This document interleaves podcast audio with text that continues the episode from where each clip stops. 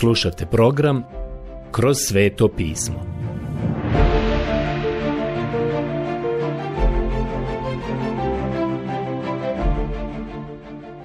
Knjiga Postanak.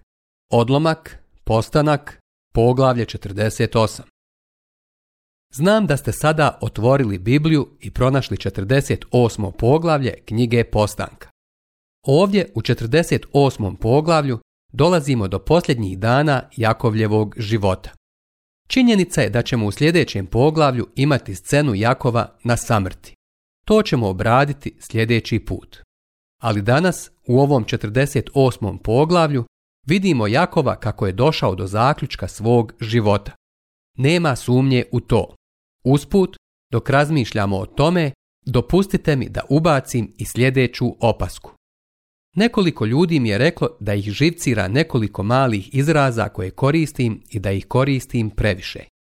Jako mi je žao što to radim i što sam to radio u prošlosti. Pokušavam to ispraviti. Razlog za to je jednostavan, a to je da sam pokušao učiniti više nego što sam fizički u stanju učiniti. A kada postanete umorni, vaš mozak ne radi tako brzo kao inače. Uz to, ja ne pravim bilješke iz kojih govorim ove pouke.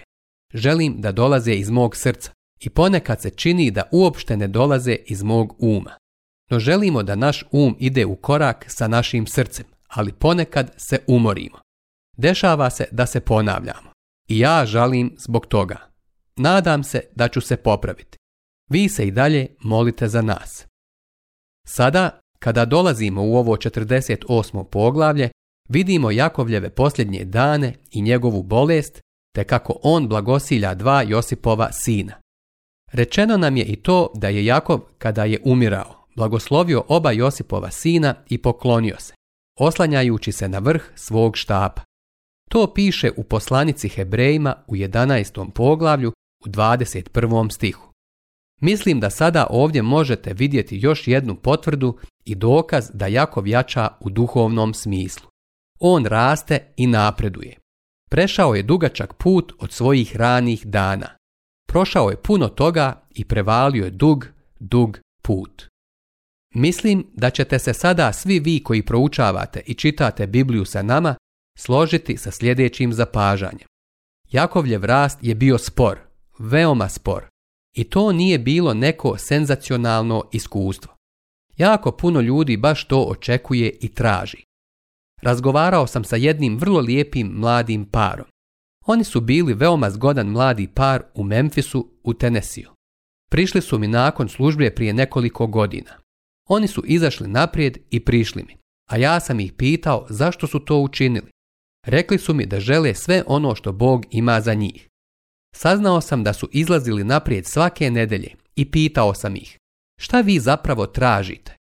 Mislili su da će doživjeti neko senzacionalno trenutno iskustvo koje će odjednom učiniti da oni postanu potpuno zreli. Rečeno nam je da rastemo u milosti i spoznaji našeg gospoda i spasitelja Isusa Krista. Morali smo čekati da Jakov ostari da vidimo plodove. Ali hvala Bogu za mogućnost rasta u našim životima i hvala mu na strpljenju da nam to dopušta. Bog ne ulazi u naše živote onako kao što bi to učinili neki od nas. Ja znam da bi me moje nestrpljenje natjeralo da požurim i učinim nešto u vezi s tim. Ali Bog je vrlo strpljivo postupio sa ovim čovjekom i vrlo strpljivo će postupati i sa vama i sa mnom. Jakov blagosilja Efraima i Manašea. Pogledajmo sada ovaj događaj u životu ovog čovjeka. Stari Jakov ide blagosloviti Josipove sinove. Sada ću pročitati prvi, drugi i treći stih u 48. poglavlju knjige Postanka. Poslije poručiše Josipu, otac ti je bolestan. Tada uze on sa sobom oba svoja sina, Manašeja i Efraima. Kad javiše Jakovu, sin tvoj Josip dolazi k tebi, skupi Izrael svoje snage i sjede u postelji. I reče Jakov Josipu, Bog svemogući objavi mi se u luzu u kananskoj zemlji i blagoslovi me. Knjiga Postanka 48.1.3 Možete li sada zamisliti uzbuđenje ovog starca koji pred sobom sada ima Josipa, svog dječaka i njegova dva sina? Nije ni sanjao da će ga ikada više vidjeti. Mislio je da je mrtav. Kako je samo to uzbuđenje bilo za njega, jer je to bio njegov najdraži sin a sada je on uzdignut na tako visoki položaj u egipatskoj zemlji. I kako je samo uzbuđenje to moralo biti za starog Jakova da ponovo vidi ovog svog sina. On je bio na samrtničkoj postelji. U Egiptu je već 17 godina, a sada kod njega dolazi Josip sa svoja dva sina. Stari Jakov ustaje i sjeda na ivicu kreveta. U tom trenutku on je starac koji se sprema da umre primijetite kuda on ide u svom razmišljanju. I reče Jakov Josip, Bog svemogući objavi mi se u luzu u kananskoj zemlji i blagoslovi me. Prijatelji, kažem vam da je Jakov prešao dugačak put. Ovdje možemo vidjeti Jakovljevu vjeru. On sada vjeruje Bogu, ne hvali se sobom. Jakov je kao mladić bio pametan, mogao je dobiti što god bi poželio, tako je barem mislio on bi se poslužio bilo kojom metodom da nešto dobije, ali sada se osvrće na svoj život i vraća se tamo gdje mu se Bog ukazao. To je početak svega. Bog mu se ukazao tamo u Betelu kada je izašao iz zemlje i onda kada se vratio u zemlju. On kaže, Bog mi se tamo ukazao i Bog me blagoslovio. U tome vidimo Jakovljevu vjeru. Poslušajte sada četvrti stih. I reče mi, učinit ću te plodnim i umnožit ću te i učinit ću te mnoštvom naroda i daću ovu zemlju tvojem potomstvu nakon tebe u vječna vremena. Imajte na umu te dvije stvari. Prijatelji, one se provlače kroz čitav stari i novi zavjet. Bog je obećao da će kroz lozu Abrahama, Izaka i Jakova kroz patrijarhe biti ostvarene dvije stvari, zapravo tri stvari. Ono što je bila važna stvar za Jakova je sljedeće. Učinit ću te plodnim. Od tebe ću stvoriti narod. Na drugom mjestu mu je bilo važno to što je Bog još rekao. Ja ti dajem ovu zemlju. To su dvije stvari koje se vide. One su veoma važne što se tiče Biblije. Treća stvar je veoma važna za vas i mene. Učinit ću te blagoslovom za sve narode. A razlog zašto upravo sada vi i ja sjedimo sa otvorenom Biblijom i razmatramo Božju riječ jeste taj što je Bog ispunio svoje obećanje koje je dao mnogo ranije. Usput, Bog je ispunio dvije trećine tog obećanja da će Jakovljevi potomci biti blagoslov za sve narode. Jednu trećinu još nije. Oni danas nemaju tu zemlju, oni tamo imaju malu teritoriju, ali ja vam kažem da je to kost razdora. Međutim, kada dobiju tu zemlju iz Božje ruke, živjet će tamo u miru, svaki pod svojom lozom i smokvom tada će posjedovati ono što im pripada i što je njihovo. Prijatelji, da se to već dogodilo, to bi značilo da smo u hiljadugodišnjem kraljevstvu, zar ne? E to će biti kada oni dobiju svoju zemlju. Želim sada pročitati peti stih. A sada oba tvoja sina, što ti se rodiše u egipatskoj zemlji, prije nego dođoh tebi u Egipat, neka budu kao da su moja. Efraim ima naše, neka budu moji pa oni jesu njegovi unuci, kao Ruben i Šimun. Sada će uslijediti da od ova dva Josipova sina nastanu dva plemena, od svakog od njih pojedinačno. Znam da će odmah neko reći, znači da je bilo 13 plemena izraelskog naroda. Ne, prijatelju moj, nije bilo 13 plemena, bilo ih je samo 12. Vjerovatno će taj neko izbrojati plemena na prste i reći, znamo da je bilo 12 Jakovljevih sinova, a zatim su od dva Josipova sina nastala još dva plemena, po jedno od svakog od njih. Nastalo je Efraimovo pleme i Manašeovo pleme. Josipovog plemena nije bilo. Od jednog plemena su nastala dva plemena. Takva matematika svakog čovjeka navodi na zaključak da je bilo 13 plemena. Ali prijatelji, to nije bilo 13 plemena. Budući da je Levjevo pleme postalo veliko svećeničko pleme, oni nisu ubrojani u broj plemena, nisu dobili zemlju, nije im dat teritorij. Bili su raštrkani kao svećenici po drugim plemenima i nisu se računali kao pleme. Dakle, postoji 12 plemena. Sada ćete možda reći sljedeće. To mi se čini kao neko zaobilaženje, ali ja nisam to učinio. Riječ Božja to predstavlja na taj način. To je način kakav je Bog htio i to je način na koji je Bog to uredio. Zapazite sada u petom stihu sljedeće. A sada oba tvoja sina, što ti se rodiše u egipatskoj zemlji prije nego dođoh k tebi u Egipat, neka budu kao da su moja. Oni su tada morali imati 17 godina. A djeca koju si dobio poslije njih neka budu tvoja. Neka se po imenu jednoga od obojice svoje braće zovu u svom nasljedstvu. Knjiga Postanka 48.6 Sada stari Jakov odabire da svaki od ova dva dječaka postane pleme. Obratite sada pažnju u kom pravcu idu njegove misli. Čitat ćemo sada sedmi stih. Kad dođoh iz Padana, umre mi Rahela u kananskoj zemlji na putu, kad je još samo malo bilo puta do Efrate i ja je pokopah tamo na putu u Efratu, a to je Betlehem. Danas ljudi u božićno vrijeme pjevaju, o mali grade Betleheme, i misle na rođenje Isusa Krista. Znate li šta bi stari Jakov pomislio da vas čuje kako pjevate O mali grade Betleheme u božićno vrijeme? Pomislio bi na Rahelinu smrt. Ne bi pomislio na rođenje bilo koga osim Benjamina. Ali prije svega bi mislio na smrt svoje voljene i drage Rahele. I upravo ovdje na samrtnoj postelji on se vraća tamo gdje je nju pokopao. Kao što znate, njegovo srce je bilo slomljeno. Rekao je, Tamo sam je pokopao i Betlehem me podsjeća na to. Pročitat ću sada osmi i deveti stih. Kad Izrael vidje sinove Josipove, upita, tko su ovi? Josip odgovori svom ocu, to su moji sinovi, što mi ih Bog darova ovdje. Tada on reče, privedi ih k meni da ih blagoslovi. Knjiga Postanka 48, 8 do 9. Da li ste primijetili da su Izak i Jakov, kada su ostarjeli, imali problema sa vidom. Postoji problem sa očima koji u toj zemlji postoji godinama, a pogađa i starije osobe. Pretpostavljam da je sjaj sunca imao velike veze sa tim, a i danas je to slučaj. Primjećujem da je u arapskim zemljama bilo jako puno starih ljudi koji su se teško kretali. Nisu bili potpuno slijepi, ali sigurno nisu mogli dobro vidjeti. Vidjeli biste da ih neko vodi ili bi na neki način pipali svoj put. Pretpostavljam da je to bilo karakteristično u toj zemlji. Ovdje to možemo vidjeti. Jakov uopšte nije prepoznao dvojicu dječaka. Pročitat ćemo sada 10. i 11. stih.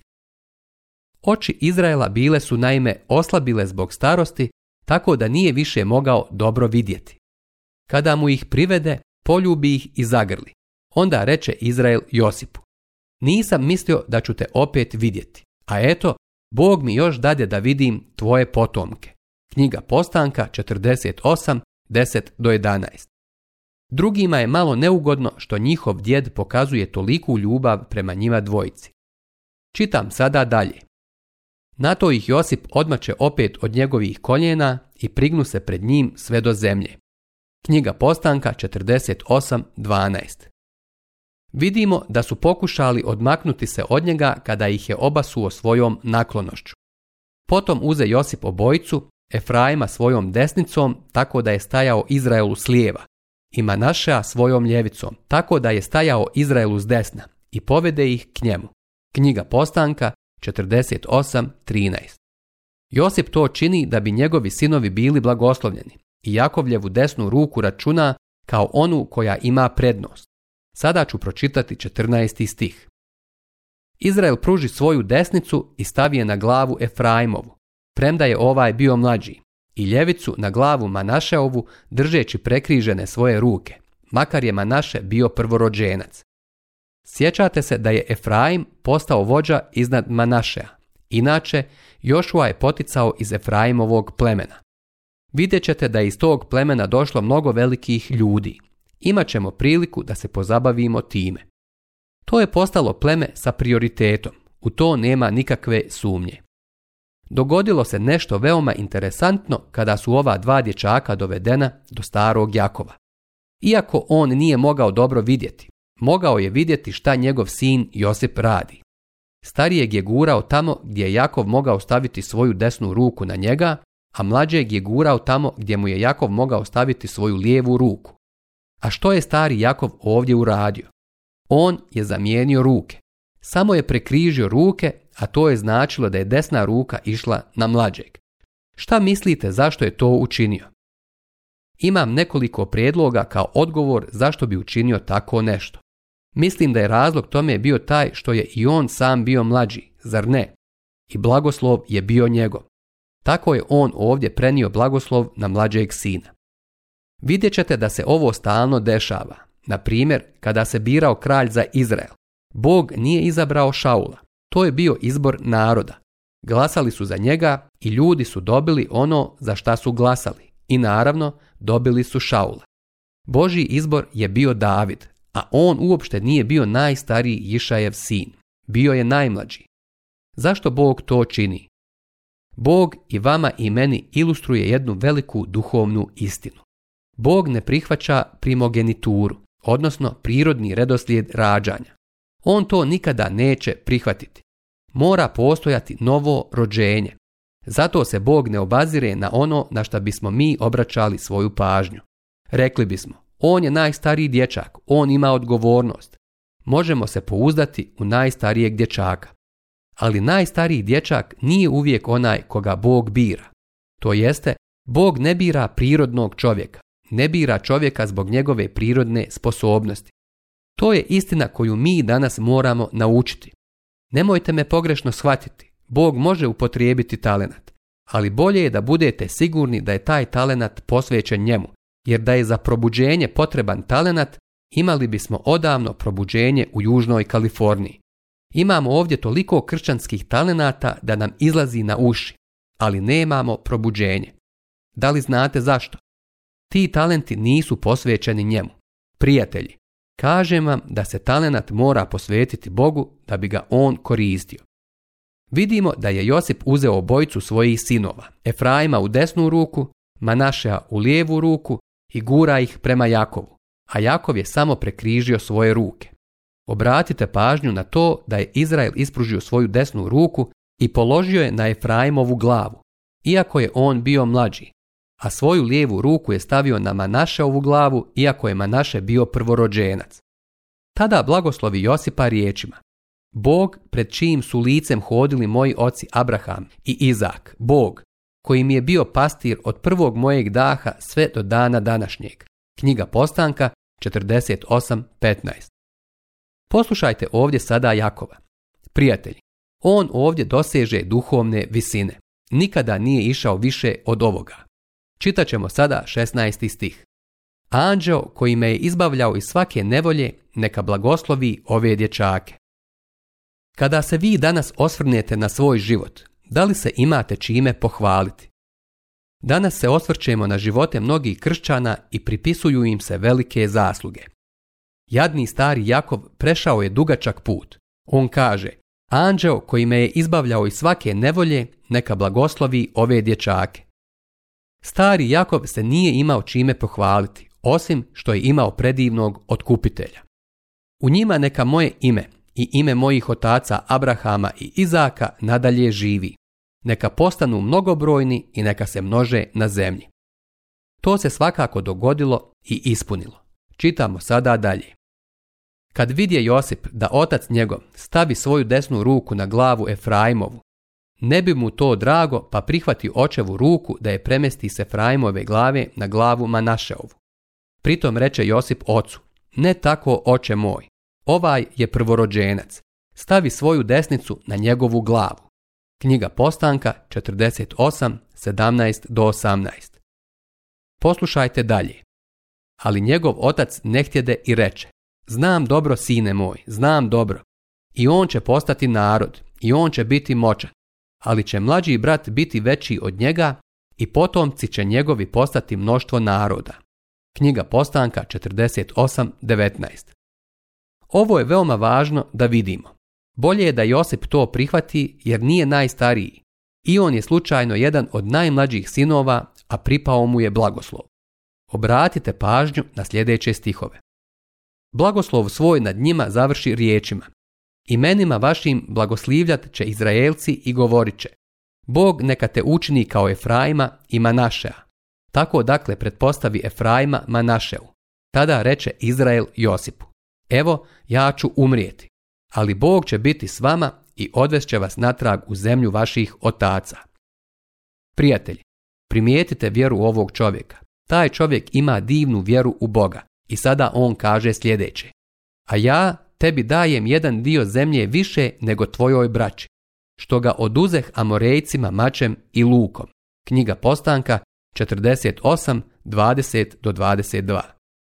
To je nasljedstvo koje će mu pripasti umjesto starijem bratu. Sljedeći put ćemo obraditi 49. poglavlje. Kada dođemo do njega, vidjet ćemo scenu u kojoj ćemo vidjeti starog Jakova na samrti. On je sada na samrtnoj postelji. Svi ostali sinovi su pozvani i vidjet ćete da Jakov ima blagoslov za svakog od svojih 12 sinova. Prijatelj, to je veoma značajno. Malo kasnije vidjet ćete kako 12 plemena okružuju jednog drugog čovjeka na samrti. U pitanju je Mojsije. I on će blagosloviti 12 plemena. Ne samo da je Bog obećao izraelskoj naciji određene stvari, već ih je obećao svakom plemenu nevjerovatno je to što on to i ispunjava. Veliki dio toga je već ispunjen.